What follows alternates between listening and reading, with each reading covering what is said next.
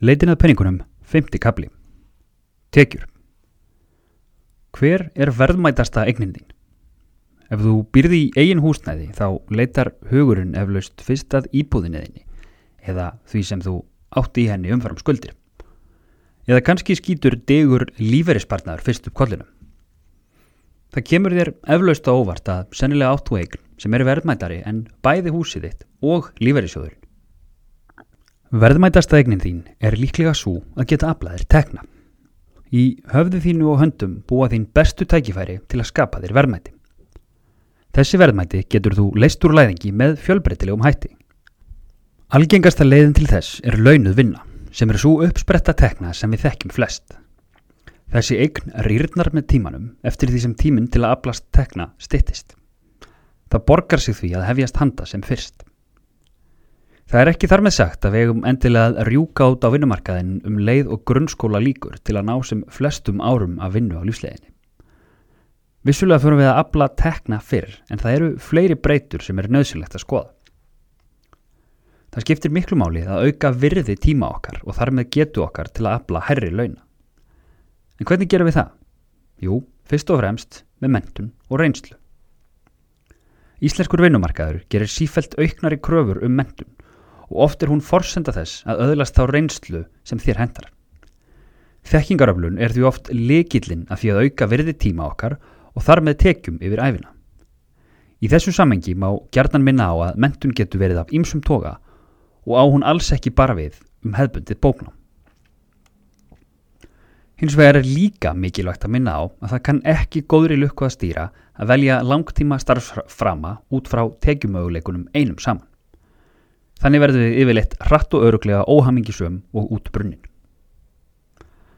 Þegar svo líður á ferilinn og við búum kannski yfir tíu ára starfsveinslu, þá getur verið rétt að staldra við og skoða hvort og þá hvernig við getum aukið virði þessar verðmætustu eignar okkar enn frekar.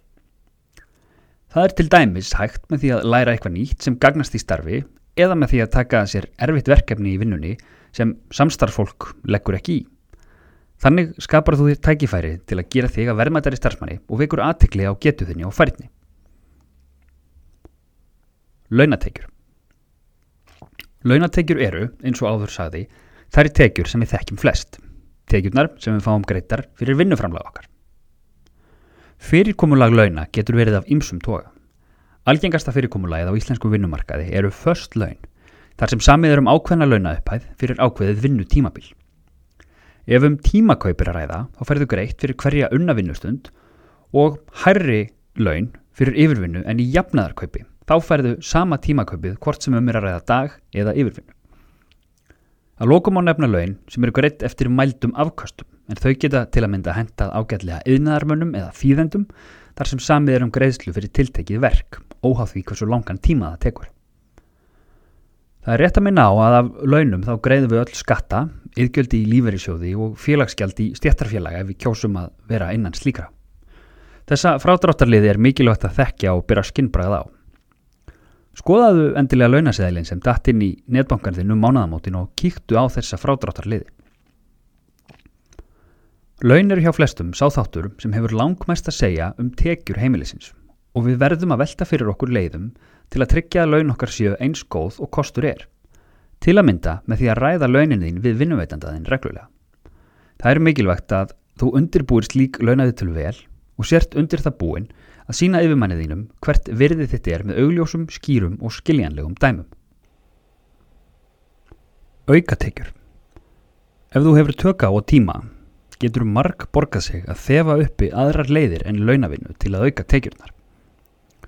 Þú getur til dæmis selt hluti á netinu, haldið námskeiðum eitthvað sem þú ert góð í, smíðað lítil húsgögn í dúkuhús, búið til hljóðbók og svona mætti lengi telja. Tækifærin til að auka tekjunar eru óþrjóðandi og öll eru við góð í einhverju. Flest það sem er talið upp hér á ofan krefst þess einsvegar eins og launatekjunar að þú seljir tímaðinn og færni í skiptum fyrir peninga.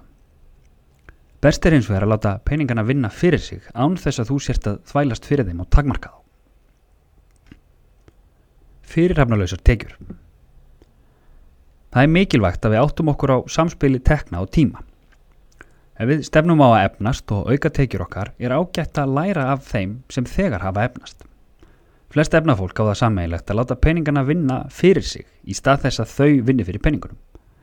Fyrirhafnarlausar tekjur eða passive income á einsku eru tekjur sem við fáum án þess að við þurfum með beinum hætti að leggja fram vinnu á móti. Gott dæmi um slíkar tekjur eru fjármakstekjur en það eru tekjur sem við fáum af eignum okkar. Einfaldasta og algengasta dæmið um fjármakstekjur eru vextinnir sem við fáum af peningunum okkar inni á bankabók. En við leggjum 100.000 krónur inn á bankabók sem gefur 3% vexti, þá fáum við 3.000 krónur í fjármakstekjur í loka árs.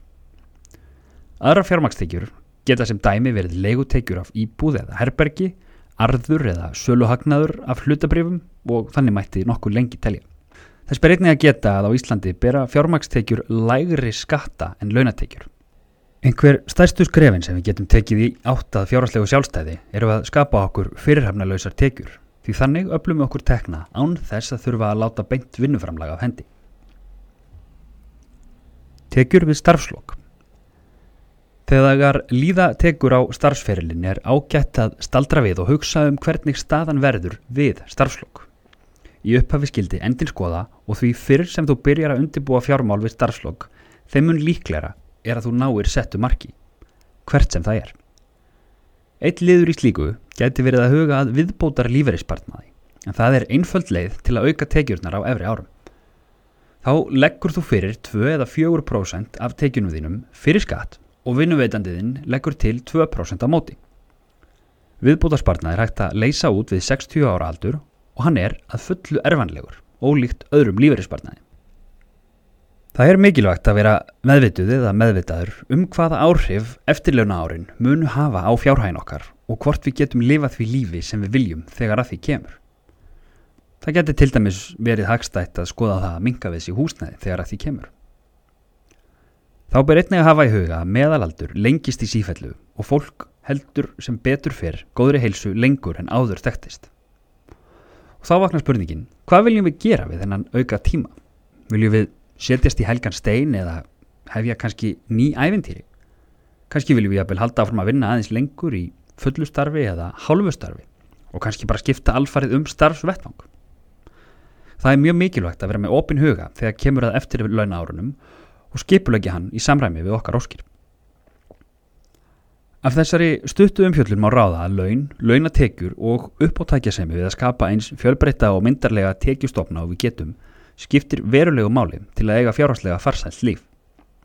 En það er ekki nóg að hafa bara nægar tekjur.